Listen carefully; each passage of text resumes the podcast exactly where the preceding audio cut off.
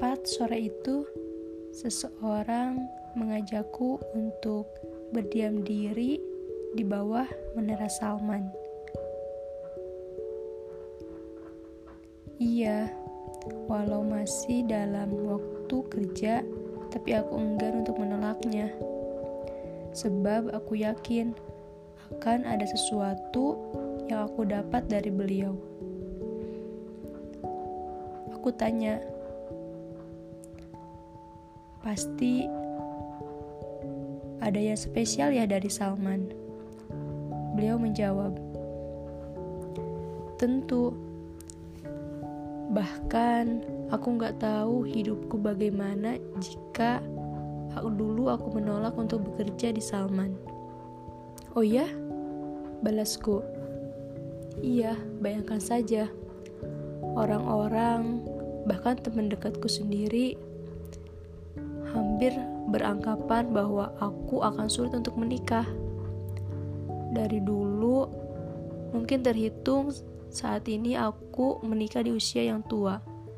Sebab sulit jodoh kalau kata orang tua dulu. Hingga akhirnya ada teman karibku untuk menawarkanku bekerja di Salman.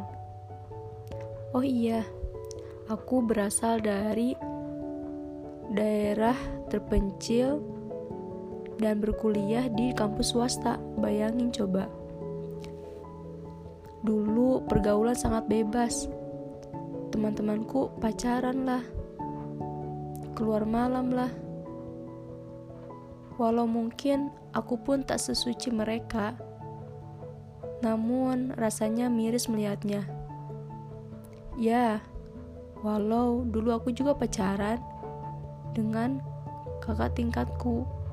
Hanya saja karena kami memiliki jarak yang jauh alias LDR, jadi kami hanya berkomunikasi lewat pesan.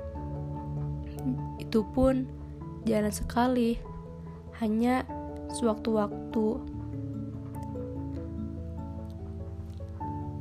Hingga pada suatu saat, orang tuanya menghubungiku. Neng, apakah minggu depan pulang ke kampung? Jawabku kaget. Iya, Bu. Kemudian, ketika waktunya tiba, ternyata di sana ia seseorang itu hendak melamarku. Ya Allah, Gak tahu perasaanku bagaimana ini. Kemudian, rupanya baru aku sadar. Ternyata ini adalah anugerah Allah yang Allah berikan kepadaku ketika aku telah bergabung dengan lingkungan-lingkungan baik. Sebab rasanya kalau mengandalkan kebaikan-kebaikan yang aku perbuat sangat jauh sekali.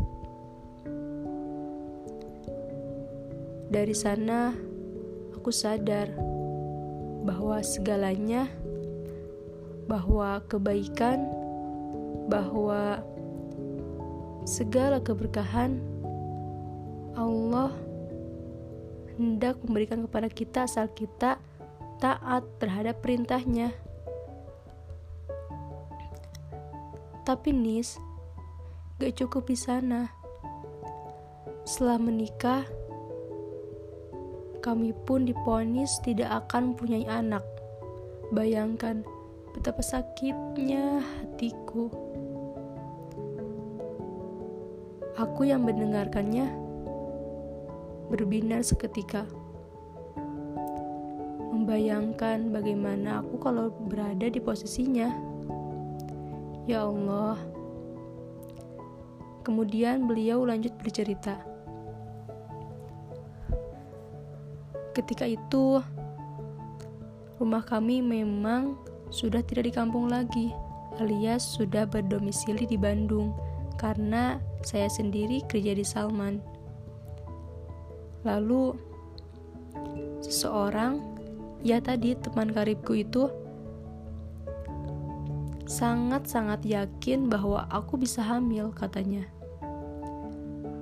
Tapi dokter, dokter yang memponisku, apalagi beliau sudah bertitel profesor, itu bilang bahwa aku mandul seperti itu. Tapi entah hati kecilku berkata, "Tidak, kamu pasti bisa hamil." Begitu. Ya, aku pun dengan lamat-lamat mendengarkan ceritanya. Kemudian, beliau melanjutkan, "Karena beliau bukan dari keluarga yang kaya ataupun yang memiliki harta berlimpah, tapi..." beliau sangat struggle dari segala ujian hidup. Contohnya, ketika masih SMA, beliau sudah ditinggalkan oleh ibunya. Kemudian ketika tingkat tiga, ayahnya menyusul ibunya. Akhirnya dia sebatang kara dan masih mempunyai dua orang adik yang perlu disekolahkan. Di sana aku merasa syukurku yang tiada tara. Sebab sampai saat ini Allah masih memberikan kesehatan kepada kedua orang tuaku. Ya Allah, betapa malunya aku selalu banyak mengeluh. Lanjut cerita, ada suatu momen di mana uangku sudah tidak mencukupi untuk membeli makanan. Bahkan kedua adikku merengek sakit minta makan. Sampai-sampai di sudut ruangan itu aku coba memeluk kedua adikku. Teh, aku lapar. Aku pengen makan. Sedih rasanya mendengar rengekan itu. Mau membeli makanan, tapi uang pun tak ada sepeser pun.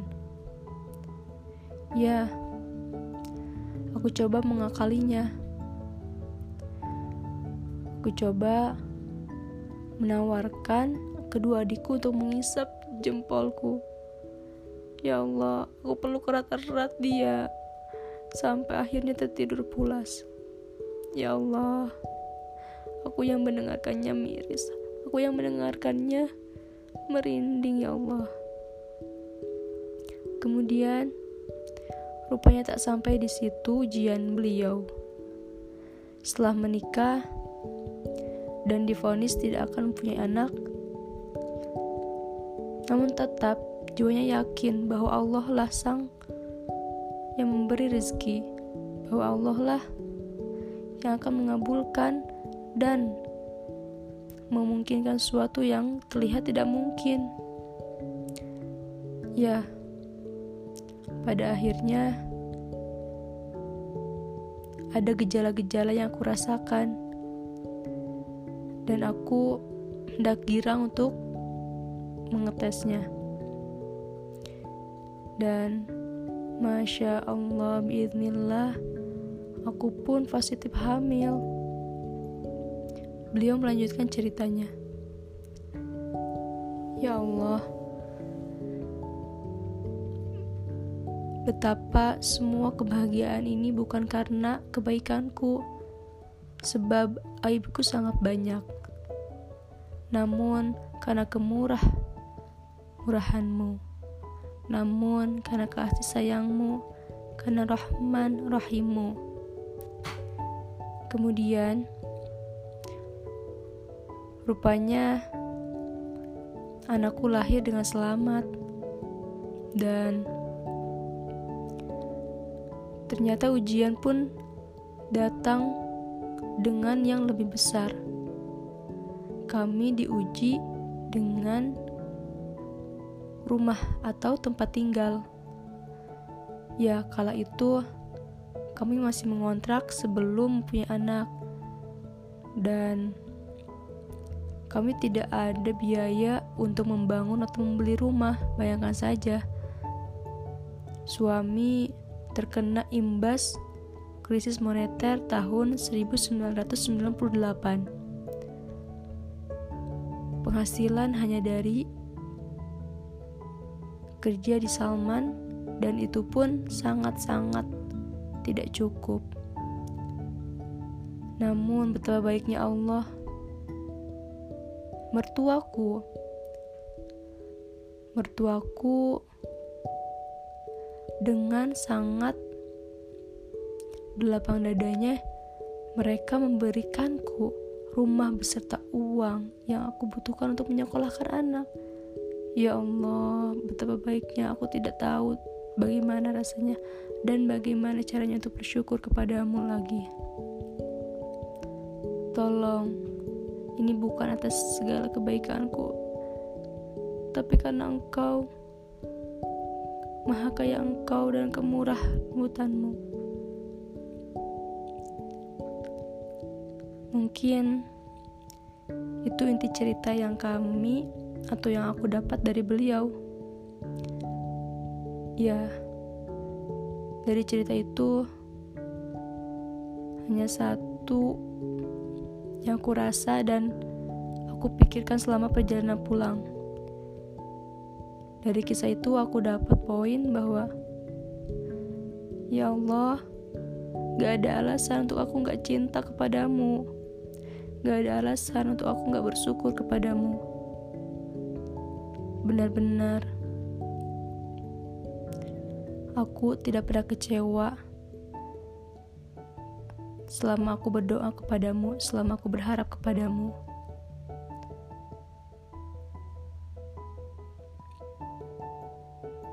Oke, mungkin sekian cerita yang bisa aku sampaikan dan berita ke berita gembiranya Kadarullah Bismillah juga Insya Allah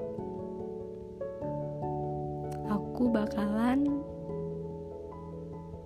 Ted note Nanti aja deh Nanti kalian tahu juga ya uh, Mungkin udah malam dan aku akhiri aja cerita pada malam hari ini mudah-mudahan difahami dan bisa diambil hikmahnya oke okay?